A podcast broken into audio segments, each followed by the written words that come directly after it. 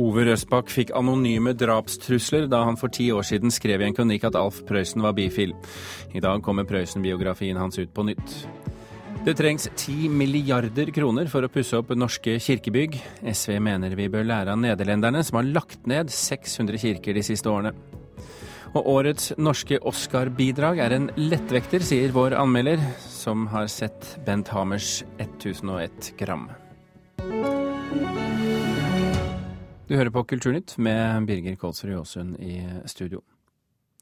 Det var Alf Prøysen selv som ble tråkket på aller mest under debatten om hans legning, ikke minst av de som kalte seg Prøysens venner. Det mener Prøysen-biograf Ove Røsbakk. For ti år siden ble Røsbakk utsatt for en storm av kritikk fra bl.a. Erik Bye og Ole Paus, da han i en kronikk skrev at Prøysen var bifil. I dag kommer en revidert utgave av Prøysen-biografien hans, og denne gangen er spørsmålet om Prøysens seksualitet tatt med i boken. Vi håper at Norge har kommet litt lenger i disse spørsmålene enn vi var i 2004, for da var det ren middelaldersk eh, stemning rundt uh, det som kom fram av folkets og Parnassets syn på denne legningen. Han tar oss med inn i Prøysens barndomsrike. Biografen som har fått mye kjeft for å ha avslørt hemmeligheten om visedikterens hjerte.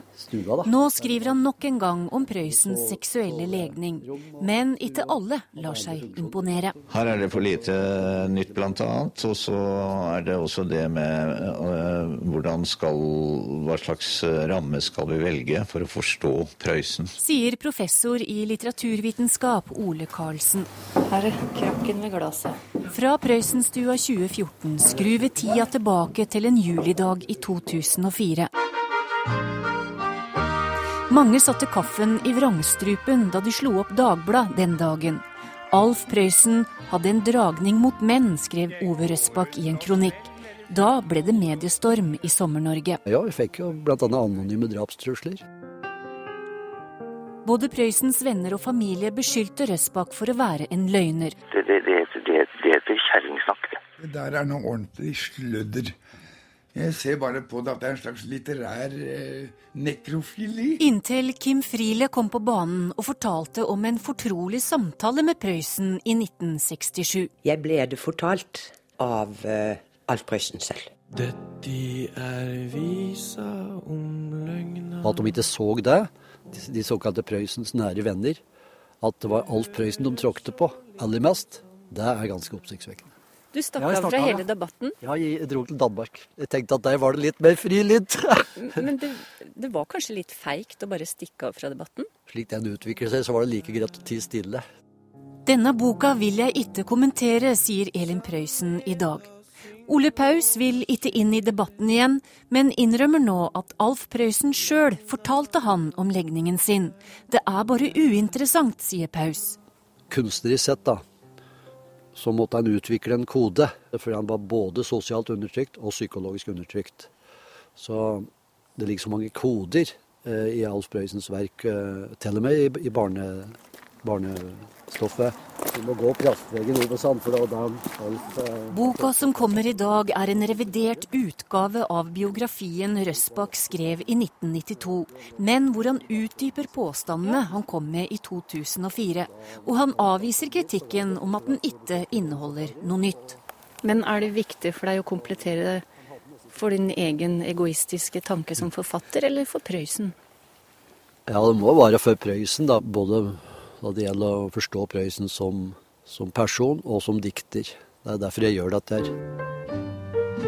Han som var debattredaktør i Dagbladet den gangen, Knut Olav Åmås, mener Røsbakks budskap fortsatt har sprengkraft, fordi lite har skjedd på ti år. Og det er ikke gjort så veldig mye ny forskning på, på Prøysen heller. Så det er en eller annen redsel for å ta fatt i akkurat dette temaet, og det syns jeg er synd. Er du helt ferdig med Prøysen? jeg blir aldri ferdig med Prøysen, kanskje, men altså, boka er jeg ferdig med nå. Ja, Det hørte til slutt uh, forfatter Ove Røsbakk. Reporter her, det var uh, Torunn Myhre. Agnes Moxnes, kulturkommentator her i NRK. Uh, hvilken rolle spilte Dagbladet i den stormen av kritikk som ble Røsbakk til del?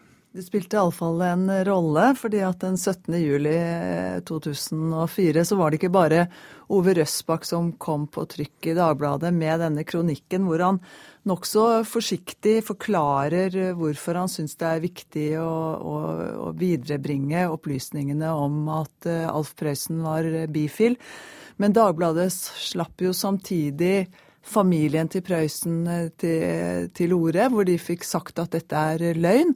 Og samtidig kom jo da noen av gigantene i norsk eh, kulturliv ut i et slags sånn moralsk korstog eh, mot eh, Ove Røsbakk i den samme avisa. Så det var jo voldsomme spenninger som ble spredt utover landet den dagen. Et skikkelig opplegg, med andre ord. Du, du, det ble jo nevnt her, vi hørte Erik Bye, Ole Paus også, eh, kjent som vennlige, humane humane og gode mennesker, og mange andre kjære norske artister, kom vel egentlig ganske dårlig ut av debatten om, om Prøysens legning i 2004. Hvorfor ble det slik? Altså, det, er, det er en lite ærerik historie, dette her, det vil jeg påstå. Nå vet vi jo at alle disse visste at Prøysen hadde en kjærlighetsevne som både eh, gikk mot kvinner og mot, eh, mot menn. Men jeg tror nok at det som lå i bånn der, var en slags sånn misforstått ønske om å forsvare Prøysen-familien. Men måten det der skjedde på, gjør jo at sårene fra den gangen fortsatt ikke er leget. Hva har det kostet Røsbakk å, å stå i denne debatten, tror du? Eh, det er jo som vi hører her, Ove Røsbakk som satt igjen med Svarte-Per. Han hadde fått Prøysenprisen i 1980. Han kom med denne biografien i 92. Han fikk priser, han reiste rundt og holdt foredrag. Etter at denne kronikken ble skrevet og, og publisert, så har han vært en ikke-person i Prøysen-formidlingen. Jeg mener å vite at han ikke engang ble invitert til åpningen av Prøysen-året nå i, tidlig på vinteren. Eh, han ble invitert til åpningen av Prøysen-huset, men han ble ikke invitert til å bidra. Nå eh, sier han i dag at han håper Norge har kommet litt lenger i dette spørsmålet. Eh, har vi det, tror du? Ja, jeg er helt sikker på at vi har det. Men i den eh, sammenhengen der så er det viktig at den boka til Ove Røsbakk kommer ut nå med de ekstra opplysningene i. Agnes Moxnes, takk for at du var med i Kulturnytt. Forfatter Karl Ove Knausgård går til kraftig angrep på styreleder i ytringsfrihetsorganisasjonen Penn, William Nygaard, i et innlegg i VG i dag. Nygaard har tidligere sagt til Dagbladet at Ibsenprisvinner Peter Hankes uttalelser er langt utenfor ytringsfrihetens grenser. Nå krever Knausgård, som også er Hankes forlegger, at William Nygaard svarer på hvilke uttalelser dette gjelder. Hvis Nygaard ikke kan begrunne sitt utspill, bør han trekke seg som styreleder for Penn, skriver Knausgård i VG, altså. Skulpturparken til eiendomsinvestor Christian Ringnes gikk med 34 millioner kroner i underskudd etter åpningen i fjor. Blant annet ble det brukt ekstra penger på vakthold og reparasjon av hærverk. Likevel er Ringnes fornøyd. Jeg er stolt av det vi har fått til, eh, så stolt at jeg nesten glemmer at dette er et stort økonomisk sluk, sier investoren til Dagens Næringsliv. Rundt én million mennesker har besøkt den nye parken i Oslo siden åpningen for ett år siden.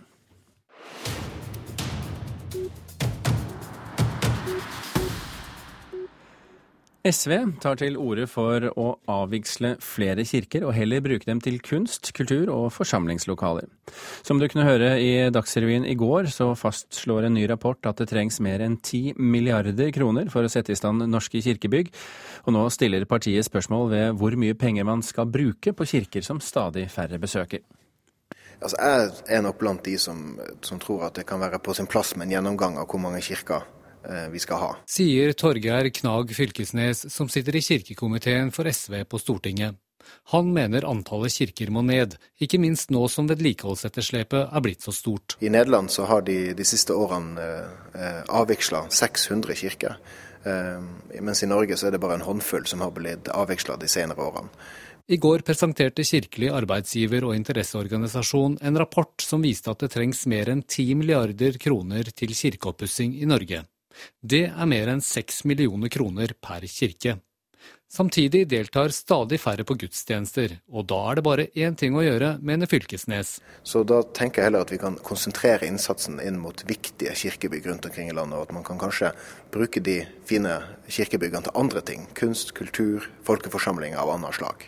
Kirka er viktig, og jeg tror ikke at det er noen god løsning på et problem med et etterslep på vedlikehold, at du legger ned kirkebygg. Sier Senterpartiets parlamentariske leder Marit Arnstad om SVs utspill. Jeg mener at regjeringa både må sette inn ekstra midler til verna og freda kirker, Eh, men jeg mener også at regjeringa må gjøre norske kommuner i stand til å ivareta vedlikeholdet og etterslepet på norske kirkebygg. Arnstad får støtte av Arbeiderpartiets Tone Merete Sønsterud. Hun mener situasjonen er blitt så alvorlig at det ikke lenger er nok å tilby kommunene gratislån. Nei, det er det jo slett ikke. En halv milliard er jo langt fra nok i denne sammenhengen. Så jeg regner jo med at regjeringen nå ser alvorlig på dette. og Enten hever den ordningen som er i dag, eller at man kommer med øremerkede midler. Det sa Tone Merete Sønsterud, som sitter i kirke-, utdannings- og forskningskomiteen på Stortinget for Arbeiderpartiet. Og reporter her, det var eh, Petter Sommer. Aud Tønnesen, professor i kirkehistorie ved Teologisk fakultet i Oslo. Velkommen til Kulturnytt. Takk skal du ha.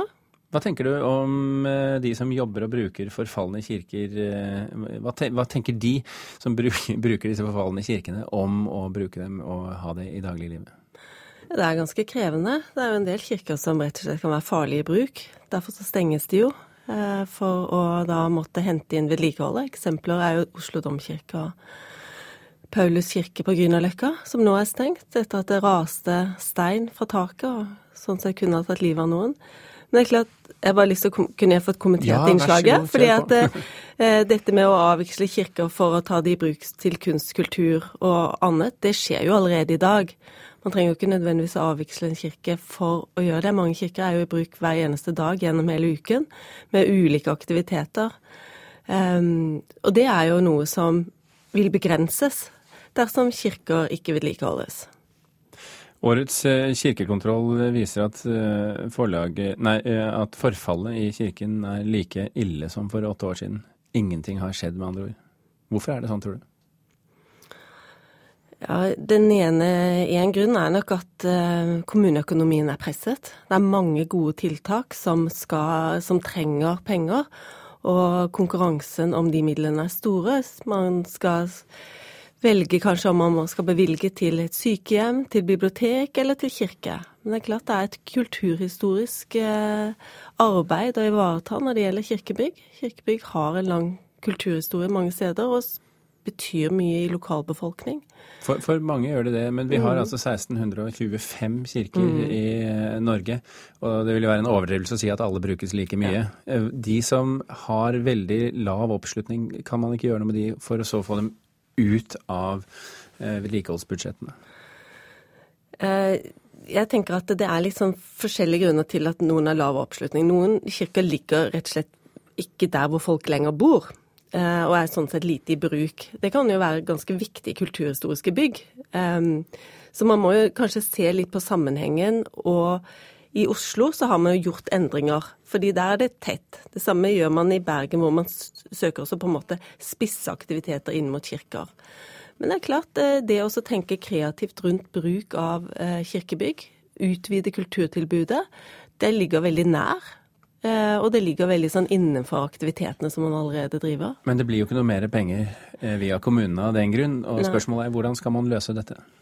Det er et offentlig ansvar, eh, og det kommer man ikke utenom. At de offentlige bærer det største ansvaret. Sånn er jo det norske samfunnet. Vi har en stor offentlig sektor, og den, har, den er den viktigste bidragsyter til kultur og kirke og det meste av aktiviteter vi har. Men det er klart også på lokalplan så ser man at det er mange private som engasjerer seg. Eh, og at det spiller en rolle. Så mer privat sponsing kan være en løsning? Det, det, jeg tror ikke det løser det etterslepet når vi hører hva slags summer det er snakk om. Så vil jo det være helt utenkelig. og Det er det offentlige som har ansvaret. Men, men det finnes muligheter.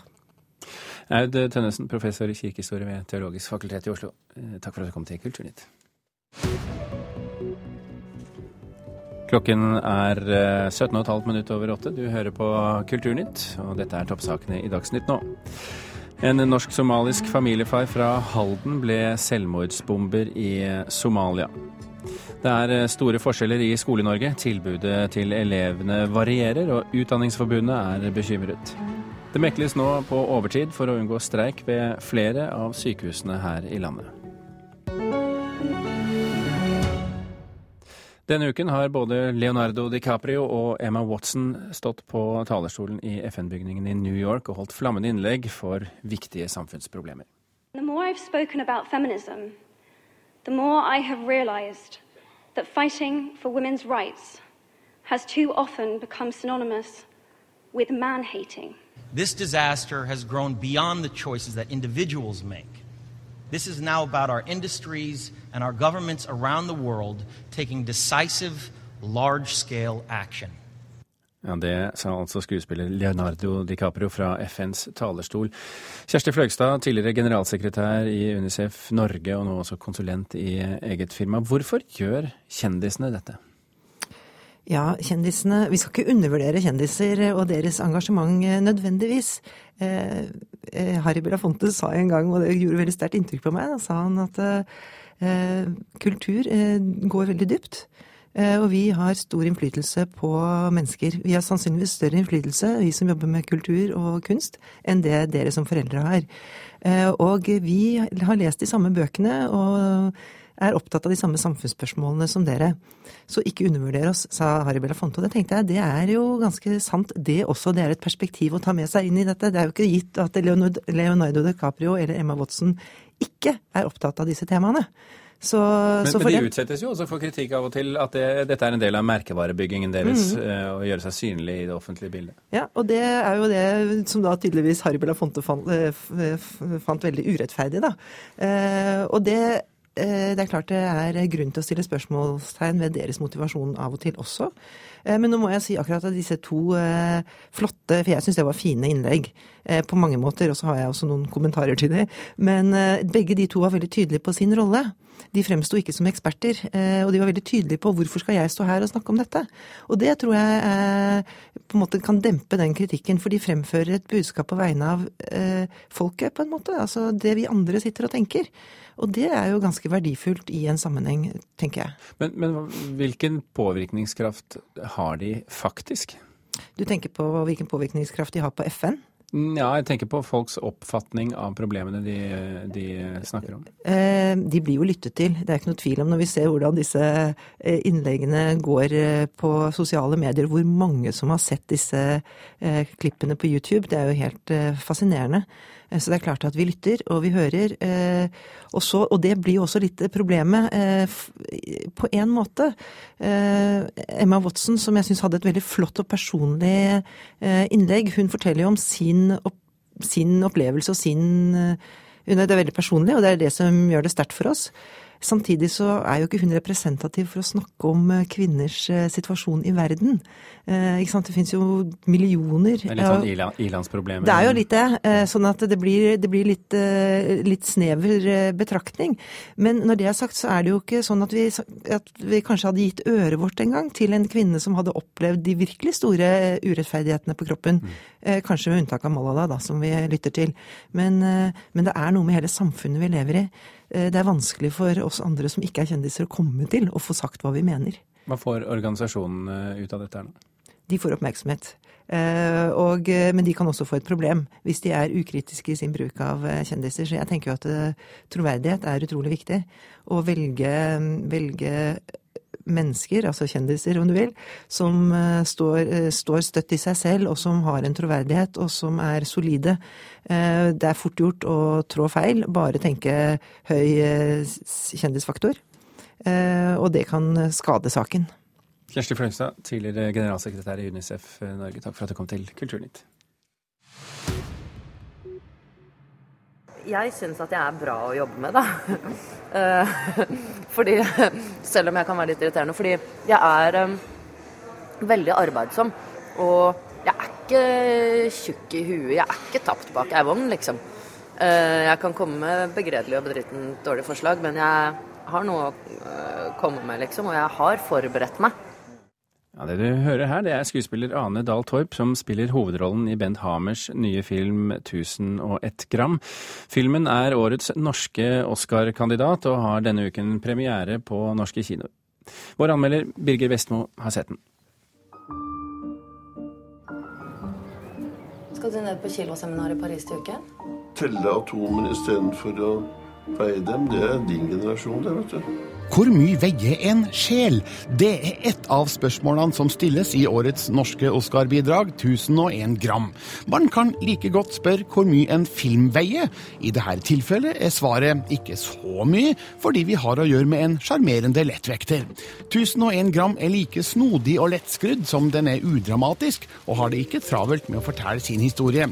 Lar man seg lokke inn i dette universet, er filmen en fin, liten raritet, med et skjevt blikk på tilværelsen prosessen sett gjennom regissør Bent Hamers øyne. Du er jo klar over at uh, du skal ha med deg kiloen vår til Paris? Marie, spilt av Ane Dahl Torp, jobber for Justervesenet og må dra på et kiloseminar i Paris når faren Ernst, spilt av Stein Winge, blir sjuk. Hun tar med Norges offisielle prototype av en kilo for å få den kontrollveid, og vi blir introdusert for et pussig miljø som jobber med ting vi kanskje ikke har tenkt særlig over at noen faktisk må gjøre. Men ved sida av telling, veiing og måling snubler Marie over noe som ikke lar seg registrere så lett, nemlig C'est comme si toutes mes références de la vie partaient en miettes. Bent Hamer har òg tidligere skildra spesielle yrkesgruppers hverdag, som f.eks. For forskeren i Salmer fra kjøkkenet og togføreren i O. Horten. Nå er det vektmålere fra hele verden som er i Hamers fokus, og han serverer oss mange morsomme særtrekk. Men den milde humoren over kiloseminarets pussige tema mister sin styrke etter hvert, og Hamer bruker kanskje litt for mye tid på det. I stedet skulle jeg gjerne sett mer av Pi, spilt av Laurent Stokker, for en bedre forståelse av hvorfor Marie trekkes mot han. Forholdet deres får ikke stort nok spillerom til at engasjementet blir så stort som ønskelig, men det glir heller ikke over i kristen romantikk. Filmen inneholder fine kontraster med Maries tilmålte liv med rene, skarpe kanter på den ene sida, og Pi på den andre, som lytter til fugler og får blomster til å gro. Han har åpenbart en funksjon for tilknappede Marie, som tilsynelatende har skrudd av sitt følelsesliv etter et havarert ekteskap. Weight.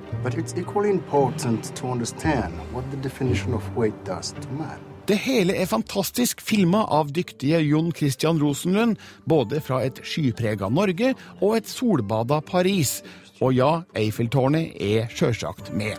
Jon Erik Kova har komponert fin musikk som underbygger historiens merkverdigheter. Og Ane Dahl Torp spiller godt og kontrollert som den detaljfokuserte dama som er i ferd med å miste kontrollen. 1001 gram er kanskje ikke vektig nok til å bli Oscar-nominert, men Bent Hamers tilhengere har fått nok en finurlig film å hygge seg med. Du hørte Birger Vestmo eh, som vår anmelder i dag. og Har du lyst til å se klipp fra denne filmen, så kan du gå inn på nrk.no film, og så vil du finne klippene der. I dag åpner verdens største messe for kunstbøker, New York Art Book Fair i ja, New York. Mer enn 27 000 besøkende og 300 bokhandlere og forleggere er ventet innom messen. Og i år er Norge representert med et eget rom der rundt 30 norske utstillere viser frem sine kunstbøker. Randi Grov Berger, du er koordinator for det norske bidraget på denne messen. Kan du først fortelle hva, hva slags messe er dette? God morgen. Eh, ja, dette er eh, en utrolig svær kunstbokmesse som faktisk er enda flere enn du nevner, 365 i år, så nå har han slått sin egen rekord. Um, og Det har alltid vært uh, norske deltakere med, men i år så er det da et eget norsk fokus og enda flere. Et eget helt rom med både utstillinger og forelesninger, performancer og presentasjoner av uh, kunstprosjekt fra Norge. Jeg, jeg må innrømme at jeg ikke visste at uh, dette markedet var så stort. Hvor, hvor viktig er denne messen? Eh, den er jo en samlings, altså en internasjonal samlingspunkt for eh, de som driver med denne type publisering. Eh, så det er jo på MoMA PS1 som er en av de største kunstinstitusjonene vi har. Ja, så det betyr veldig masse at vi har så stor norsk presentasjon og representasjon i år. Hva kan, hva kan nytten være for norske forlag og utstillere? Ja, Det som skjer, er at de vil møte et publikum. Eh, de som ikke har deltatt tidligere, vil jo eh, for første gang liksom, presentere seg utenfor Norge. Eh, det vil være sånn at eh, de vil kanskje selge sine første kunstverk til et uh, internasjonalt uh, publikum. Men, men, men, hva slags bøker snakker vi om her? Kunstbøker er bøker som kunst som er i bokformat, rett og slett. Men det er òg kunstnere som lager Det er ikke bøker om kunst, altså? altså Nei, beskrivelser? Kunst. Altså, mest så favner bredt, så det er òg med andre ting enn rene kunstverk i bokform. Det er òg sine, og det er kunstpresentasjoner og andre ting. Ja, Så det er litt mer enn bare kunstbøker. Hva, for, hva forventer eh, de 30 norske utstillerne seg av denne messen, tror du? Eh, og utvide nettverket sitt. Eh, jeg vil jo treffe folk de vil samarbeide med på altså andre forlag de kan gjøre samarbeidsprosjekt med. De finner nye kunstnere de har lyst til å gjøre prosjekt med. De blir invitert til å være med på andre bokmesser. De blir invitert til å delta i andre prosjekt. Og så er det òg en synliggjøring for eh, eh, norske samarbeidspartnere. Og så er det jo en slags mingling for alle de norske deltakerne som kommer. Det er jo mange ulike kunstinstitusjoner. Eh, Henny Onsdag kunstsenter deltar, Bergen kunsthall deltar. Oslo kunsthall deltar med et eh, plakatprosjekt. Eh, Bergen kunsthall, ja. Det er veldig mange institusjoner, og så er det alle disse kunstforlagene som vi har. Og så er det òg kunstnere som står og selger sine egne egenproduserte prosjekt. Tilgi meg, eh, Randi Grå Berger, at jeg avbryter deg der. Eh, vi er nødt til å avslutte sendingen her. Eh, koordinator for det norske rommet på New York Art Book Fair, altså med oss fra New York. Kulturnytt er slutt. Hilde Tosterud, Lars Ivar Nordahl og Birger Kålsrud Aasund sto bak sendingen i dag.